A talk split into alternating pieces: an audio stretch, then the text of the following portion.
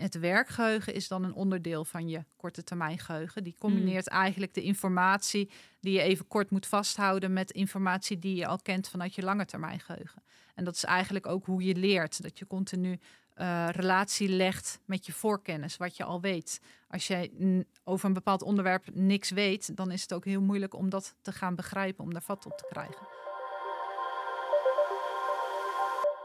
Welkom bij de Pearson Podcast. In deze podcast nemen we je mee in de wereld van diagnostiek en behandeling binnen de geestelijke gezondheidszorg. Ik ben Meerte Wildenbeest, psycholoog en productadviseur bij Pearson en ik interview professionals uit het werkveld om antwoord te geven op vele brandende vragen.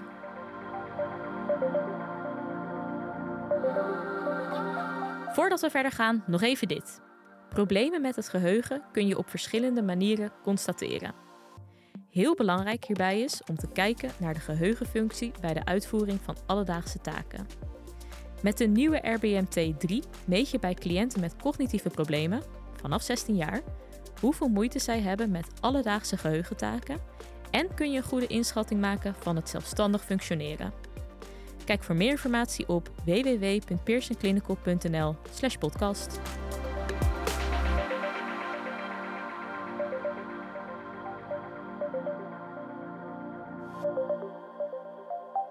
Welkom allemaal bij deze podcast. Uh, in deze podcast staat de volgende vraag centraal, namelijk wat is de relatie tussen het geheugen en de executieve functies?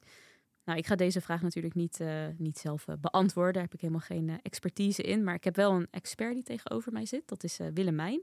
dus Willemijn, misschien kan je jezelf even kort voorstellen. Ja, ik ben Willemijn de Kort. Ik werk voor Expertisecentrum Leren en Gedrag. En als onderwijskundige houd ik me bezig met alles wat op het gebied van ja, wat met leren te maken heeft. Um, ja, hoe krijgen we kinderen aan het leren en wat doe je als het niet lukt? Oké, nou dankjewel. Fijn dat, je, fijn dat je er bent om deze vraag te beantwoorden. Um, nou, als we even teruggaan op die vraag, dus wat is de relatie tussen het geheugen en de executieve functies? Misschien kan je nog even kort toelichten van ja, welke executieve functies zijn er nou eigenlijk allemaal? Ja, ja, executieve functies zijn eigenlijk de vaardigheden om tot praktisch handelen te komen. Dus dat zijn vaardigheden om uh, doelgericht te handelen en ook je gedrag aan te kunnen sturen. Nou ja, als we dat even vertalen naar de executieve functies die er zijn, dan hebben we bijvoorbeeld uh, taakinitiatie. Um, waarbij je eigenlijk jezelf aanzet om te kunnen beginnen met, een, uh, met je huiswerk, met zelfstandig werken, maar ook uh, met het opruimen van je speelgoed bijvoorbeeld.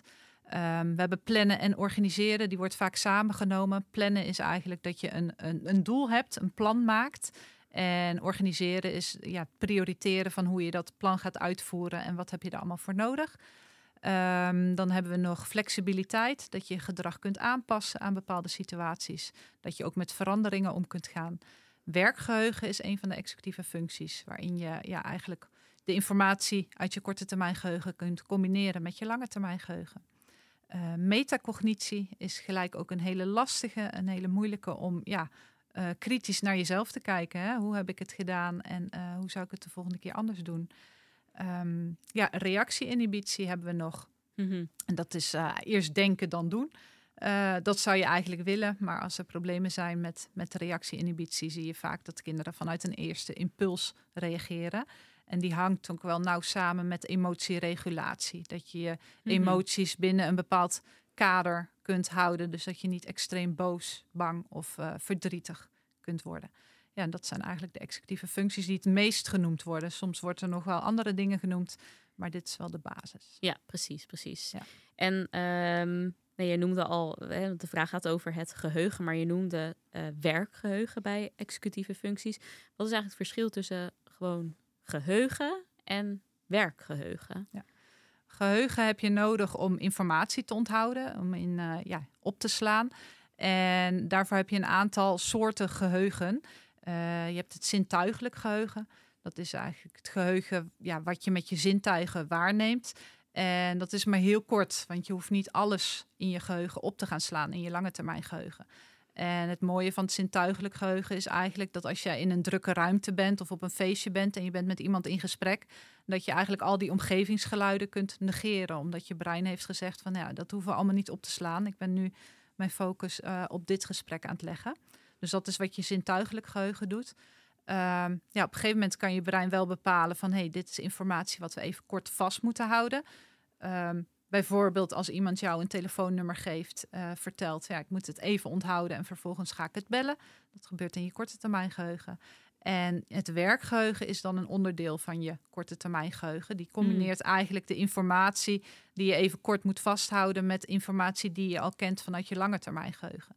En dat is eigenlijk ook hoe je leert. Dat je continu uh, relatie legt met je voorkennis, wat je al weet. Als je over een bepaald onderwerp niks weet, dan is het ook heel moeilijk om dat te gaan begrijpen, om daar vat op te krijgen. Ja. En uh, ja, daarvoor heb je je lange termijn geheugen dan weer nodig. Want soms zien mensen, denken mensen ook wel eens dat het werkgeheugen gelijk staat aan het korte termijn geheugen. Maar dat is eigenlijk niet, het, ja, niet helemaal het geval, toch? Uh, het werkgeheugen is het korte termijn geheugen. Alleen het werkgeheugen, uh, het verschil is dat je ook informatie manipuleert. Dus dat je echt mm -hmm. daadwerkelijk iets aan het doen bent. Kladblokje van je brein, het combineren van wat je al weet vanuit je lange termijn geheugen met de nieuwe informatie. En korte termijn geheugen is echt even heel kort informatie vasthouden. Mm -hmm. en, en kan je het geheugen als geheel, kan je dat nou zien als een van de executieve functies? Uh, nee, geheugen wordt niet gezien als executieve functie. Werkgeheugen dan weer wel, omdat ja. je daar een sturende rol in hebt. Uh, maar het geheugen zelf is meer een cognitieve functie. En cognitieve functies heb je nodig om te kunnen denken, te kunnen leren en informatie te verwerken. Um, ja, andere cognitieve functies zijn uh, aandacht bijvoorbeeld. is heel belangrijk om überhaupt dingen te kunnen onthouden. Daar moet je je focus bij hebben.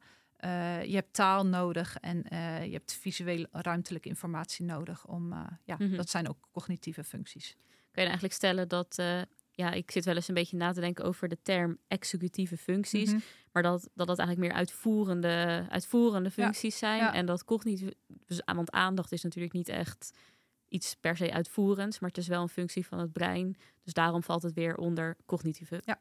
Functies. Ja, ja, ja, ja, ja, ja. Het is goed om even het onderscheid uh, te maken, want dat, is wel, dat is wel eens lastig. En ik denk ook misschien om het uit te leggen aan ouders of leerkrachten, dat dat ook, ja, dat doe je natuurlijk wel vaker, dat mm -hmm. het ook nog wel eens een kluif is om. Uh, om het duidelijk te, te maken. Ja. ja. je probeert vooral praktisch te maken, hè, te koppelen aan situaties uh, ja, waar je mm. executieve functies voor nodig hebt. Ja, en heb je dan veel herkenning vaak bij, uh, bij ouders of leerkrachten? Ja, als je ja dan, zeker. Uh, ja, ja. Dan gebruik je goede voorbeelden. Ja, bijvoorbeeld uh, kinderen die heel chaotisch zijn, die niet kunnen -hmm. opruimen, die heel vaak spullen kwijt zijn. Ja, dat is, heeft echt wel relatie met de executieve functies.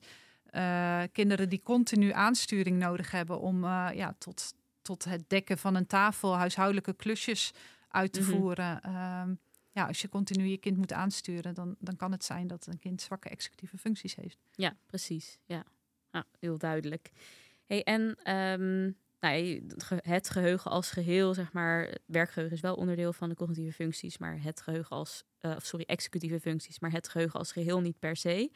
Um, maar heeft dat wel invloed op de werking van de executieve functies? Dus het geheugen, is dat van invloed op de executieve functies? Om de vraag even helder te stellen. Ja, ja, ja.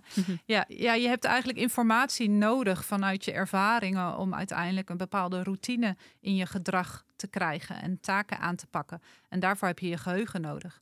Bijvoorbeeld een, een, een volgorde om jezelf aan te kunnen kleden. Um, ja, dat moet je vanuit je geheugen putten eigenlijk. Dat het handiger is om eerst je broek aan te doen en dan pas je schoenen en niet andersom. Dus aan de ene kant de executieve functie is dat je kunt aankleden. En aan de andere kant het onthouden van wat handig is. Daarvoor heb je weer je geheugen nodig. Mm -hmm. En executieve functies werkt wel heel veel met, met, met stappenplannen. Hoe ga je het aanpakken? Um, als we het bijvoorbeeld koppelen aan reactie-inhibitie. Dat je um, ja, een soort stop-denk-doe-methode kan toepassen. Van hé, hey, mijn eerste impuls, ik wil iets zeggen, maar ik, um, ja, iemand anders is in gesprek, dus ik moet even wachten. Ik denk even na, ik wacht even en vervolgens als ik aan de beurt ben, dan pas ga ik toegeven aan mijn impuls. Ja, en is dat vooral heel vaak oefenen? Want ik kan me ook voorstellen dat het niet in één keer lukt als dat juist je valkuil is. Ja, ja, dat is vooral ervaring, het doen, het zelfstandig uh, uh, ja, gaan aanpakken en uitvoeren. Ja, ja interessant inderdaad dat dat zo, uh, zo werkt. En ook geruststellend dat je het dus een beetje kan aanleren. Mm -hmm. um, kan je ook bijvoorbeeld stellen dat als je je geheugen traint, dat je dan ook de werking van je exec executieve functies als geheel verbetert? Kan je dat stellen? Ehm, het is niet zo dat als je een goed geheugen hebt, automatisch goede executieve functies hebt. Uh, het kan wel heel erg helpend zijn. Want als jij heel snel dingen vergeet, um, dan is het ook moeilijk om jezelf aan te passen in bepaalde situaties waarvoor je weer de executieve functies nodig hebt. Mm -hmm. um, ja, en je kan ook een heel sterk geheugen hebben dat jij echt een, een, een stappenplan helemaal uit je hoofd hebt geleerd, maar vervolgens het uitvoeren, dat dat, ja, wat je met je executieve functies doet, uh, dat dat weer niet zo goed lukt. Um, dus het, over het algemeen kan het helpend zijn, maar het is niet zo dat het automatisch mm -hmm. uh, zijn uitwerking heeft op de executieve functies. En stel nou dat je een, een kind uh, begeleidt waarvan je weet, nou die heeft wel een sterk geheugen als geheel, minder sterke executieve functies, kan je dan um, ja, het geheugen ook inzetten om uh, ja, dat je dus juist gebruik maakt van het sterke punt om daar een handelingsadvies voor te, voor te creëren. Doe je dat wel eens op die manier? Ja, ja, het is wel heel mooi om het geheugen te gebruiken, maar dan heb je het niet zo meer of zeer over het onthouden van hoe uh, pak je dat dan aan, maar echt het gaan uitvoeren. Het gaan voordoen en uh, nalaten doen. En op basis daarvan een soort van routine creëren die ze uh, in hun geheugen gaan opslaan. En uiteindelijk automatisch kunnen gaan uitvoeren. Ja. En dan zal het denk ik wel helpen als je goed geheugen hebt, dat je het al beter kan opslaan. Ja. En dat je het dan dus dat het dan vervolgens ook helpt bij de uitvoering ervan. Ja. Um, nou, misschien ook nog een vraag, een beetje die in de lijn ligt daarvan. Um, ja, als je een goed uh, geheugen hebt, um, zorgt dat automatisch ervoor dat je hele goede executieve functies hebt. Of al bijvoorbeeld als je een heel hoog IQ hebt, zorgt dat ervoor dat je executieve functies al beter zijn dan gemiddeld. Ja. ja. Ja. wat we weten van kinderen met, of ja, mensen met een hoger IQ, dat vaak het geheugen heel goed werkt. Um, maar juist bij de hoogbegaafde kinderen of de cognitief getalenteerde kinderen, die, um, die hebben vaak zwakke executieve functies. Omdat ze, omdat ja, veel al weten, snel tot leren komen, hebben ze ook minder oefening gehad om de executieve functies te kunnen trainen. Mm -hmm. um, dus dat, ja, dat zien we eigenlijk dat die juist zwakkere executieve functies hebben. Ja. En dat die ook dan echt wel vast kunnen gaan lopen in het onderwijs. In dat opzicht ja. zijn executieve functies belangrijker dan, uh, dan het IQ-cijfertje. Ja, precies. Ja, ja, dus eigenlijk, ja, dit geeft geen garanties. Nee. Hoog IQ, goede executieve functies, nee. net zo min als een laag IQ, slechte cognitieve uh, executieve functies. Ik haal het een beetje door elkaar. Ja, ja snap ik. dat, uh, ja, dat kan je ook niet per se zo stellen. Nee, nee wat we vaak zien is dat de kinderen uh, die meer moeite hebben om mee te komen met, met, met de klas en met de school, ehm, dat die meer hun best moeten doen en juist eerder geoefend zijn in de executieve functies en dan wat sterkere executieve mm -hmm. functies laten zien. Het gebeurt eigenlijk automatisch dus al. Omdat ze niet kunnen leunen op een hogere IQ, moeten ze andere strategieën ze inzetten. Moet, ja. Om uh, bewust of onbewust um, om mee te kunnen komen. In ze de, moeten in er harder voor werken. Ja. Ja. ja. En dat heeft natuurlijk ook weer zijn voordelen ergens. Ja. Ja. ja. Hey, en um, ja, wat voor soort klachten kom jij nou in de praktijk tegen over, de, uh, over het geheugen of het werkgeheugen en executieve functies? Um, ja, dat is heel wisselend. Het is afhankelijk van wie de vraag stelt. Hè. We hebben ouders die er tegenaan lopen dat een uh, kind chaotisch is. Dat uh, vooral emotieregulatie vinden ouders heel erg lastig. Als een kind extreem boos is, mm -hmm. hoe je dan met dat gedrag om moet gaan. Um, ja, vaak wordt dat dan gezien als een uh, gedragsstoornis, maar het kan ook een relatie hebben met de executieve functies. Dat dat gewoon uh, vanuit de prefrontale kwap uh, lastig is om aan te sturen eigenlijk. Mm -hmm. um, nou, we hebben ook leerkrachten die hulpvragen stellen van ja, het kind vindt het lastig om informatie te onthouden, informatie te verwerken vanuit het werkgeheugen. Um, kind komt niet tot zelfstandig werken, die blijft maar om zich heen kijken, heeft geen idee hoe die de taken moet aanpakken. Mm -hmm. Ja, en, en um, je, je, noemde net van hè, dat ouders vinden dat stukje emotieregulatie dan lastig. Maar waarom vinden, ze, waarom vinden ze dat dan juist zo lastig?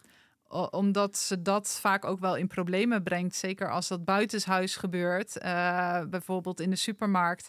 En een, uh, een kind vraagt om uh, een zak chips en die krijgt dat niet. En die dan de hele supermarkt bij elkaar schreeuwt.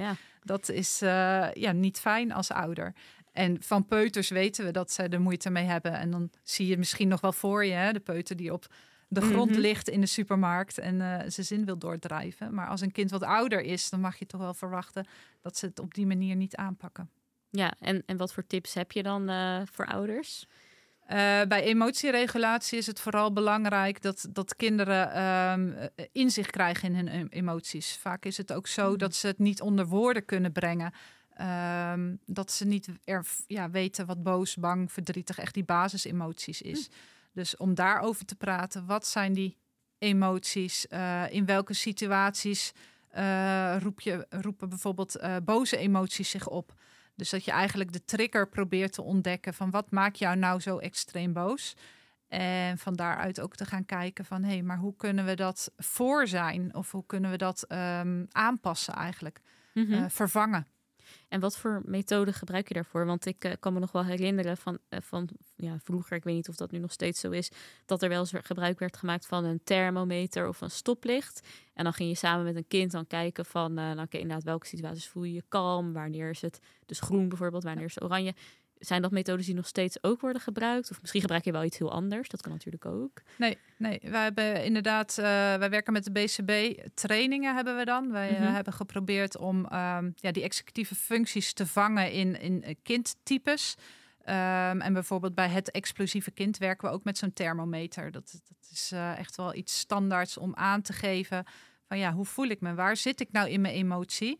En ook uh, als signaal voor ouders van ja, als een kind aangeeft van hé, hey, ik ben bijna, uh, ik ontplof bijna, dat er uh, iets moet veranderen in de situatie, dat je een kind uit die situatie moet halen.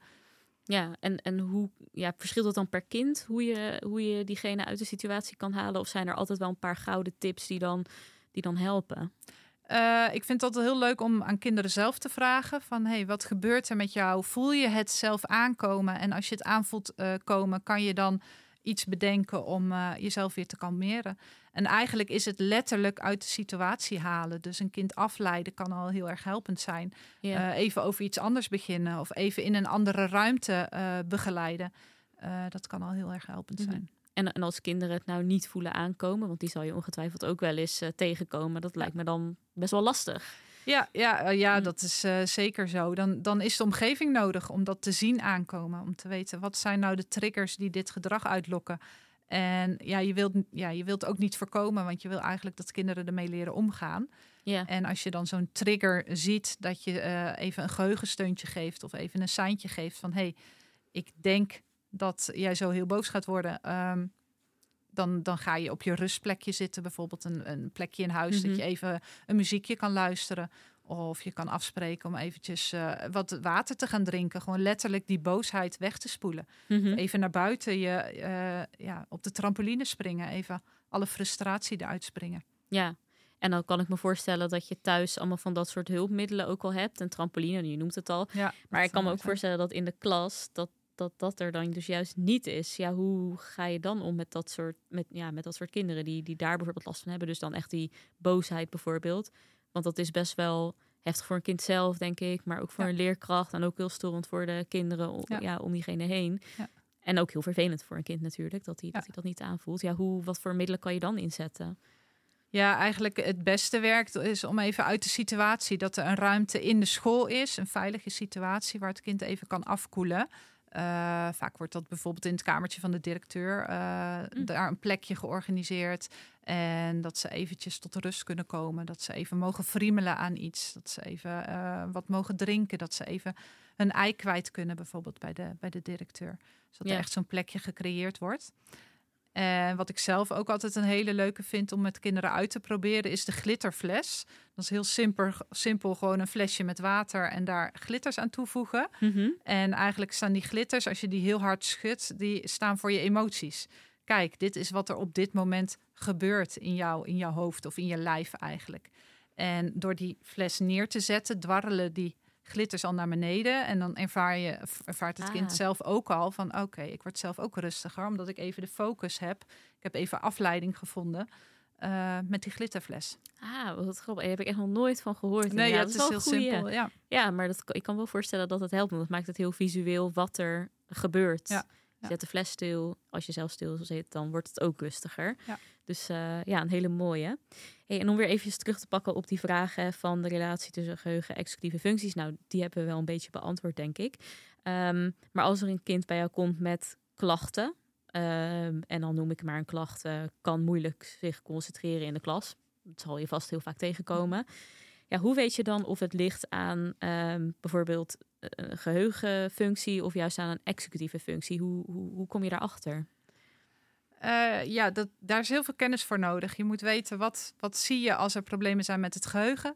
Ehm, nou ja, concreet kan je dan zien dat een kind veel dingen vergeet.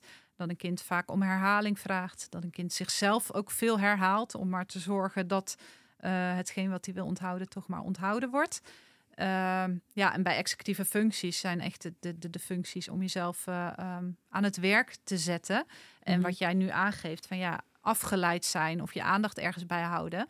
Ehm, aan de ene kant kan dat ook echt een cognitieve functie zijn van aandacht, dat je daar problemen mee hebt, dat je gedachten snel ehm, op iets anders vallen. Ehm, je hoeft maar een feestje binnenkort te hebben en je denkt er even aan omdat je daar zoveel plezier in hebt. Ja, mhm. dan ben je je aandacht voor de leerkracht die instructie geeft, ben je alweer kwijt. maar het kan ook je werkgeheugen zijn, dat je het lastig vindt om, om dingen vast te houden. En uh, ja, daardoor is je werkgeheugen snel overbelast. En um, ja, dan ben je ook snel afgeleid. Ja, en bij welke soort kinderen zie je, zie je nou vaak problemen met executief functioneren? Als we even denken aan um, ja, de, de stoornissen zoals uh, de, in de DSM bijvoorbeeld staan. Ja, ja. Ja. ja. Ja. dan worden vaak wel ADHD en uh, eh, ASS genoemd. Ja, ja, ja want um, zeker bij ADHD zien we dat er wel een ander soort aanleg, ja, ik ben geen neurowetenschapper, maar een ander soort aanleg is in die prefrontale kwap. Uh-huh. En die prefrontale kwap is heel belangrijk voor ook de aansturing van executieve functies. Uh-huh. Um, dus bij ADHD wordt ook wel vaak gezegd dat het helpend kan zijn om de executieve functies uh, te gaan versterken of te ondersteunen of aan te leren. Ja, zodat ze wat minder last hebben van juist die klachten die horen bij ADHD. Ja, ja, ja. Het, het is niet zo, je kunt niet zeggen van ADHD is een executieve functieprobleem, maar we zien wel vaak dat, dat het helpend kan zijn om daar aandacht aan te besteden. Hoe pak je nou dingen aan? Ehm, ja, hoe train je je werkgeheugen? Ehm, hoe kun je je mhm. impulsen beheersen? Mm De stop-denk-toe-methode bijvoorbeeld, om ja. dat uh, in te trainen. En is dat dan eigenlijk voor jouw werk nog belangrijk om te weten wat de stoornis precies is? ADHD of ASS? Of zeg je van ja, maakt eigenlijk niet uit, want ik kijk toch vooral naar waar kinderen last van hebben. Of is het wel van belang? Ja, dat, dat weet ik ja, niet hoor. Ik vind het altijd wel een, een signaal als ik hoor van... hey, het kind heeft ADHD. Oh, ik moet in de gaten houden of het allemaal lukt mhm. met de executieve functies. En dan ga ik er niet van uit dat een kind in bepaalde executieve functies zwakker is. Maar ehm, ja, ga, ja, ga ik daar wel rekening mee houden. Ehm, maar qua aanpak, het enige waar je rekening mee moet houden is bij een stoornis, is dat de, de ontwikkeling langzamer gaat of dat die helemaal niet op gang komt. Um, dus we beginnen altijd wel met het aanleren van de executieve functies, uh, daar een begeleiding in te starten. En als je merkt dat een kind daar geen profijt van heeft, dan ga je echt zoeken naar hulpmiddelen. Wat kan jou nou structureel helpen om toch tot zelfstandigheid te komen? Ja, oké, perfect. Nou, dankjewel weer Willemijn voor, uh, voor al je kennis die je hebt uh, gedeeld. Um, ja, ik denk dat dit het was inderdaad voor deze aflevering. Dankjewel. Graag gedaan.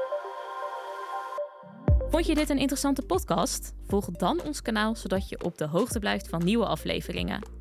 En deel de podcast gerust met je collega's als je hem interessant vond. Wil je een vraag insturen of jouw feedback met ons delen? Dan kan dat via pearsonclinical.nl/podcast. Daarnaast hebben we ook een speciale actie voor onze podcastluisteraars. En deze is te vinden op dezelfde site, dus pearsonclinical.nl/podcast. Tot de volgende keer.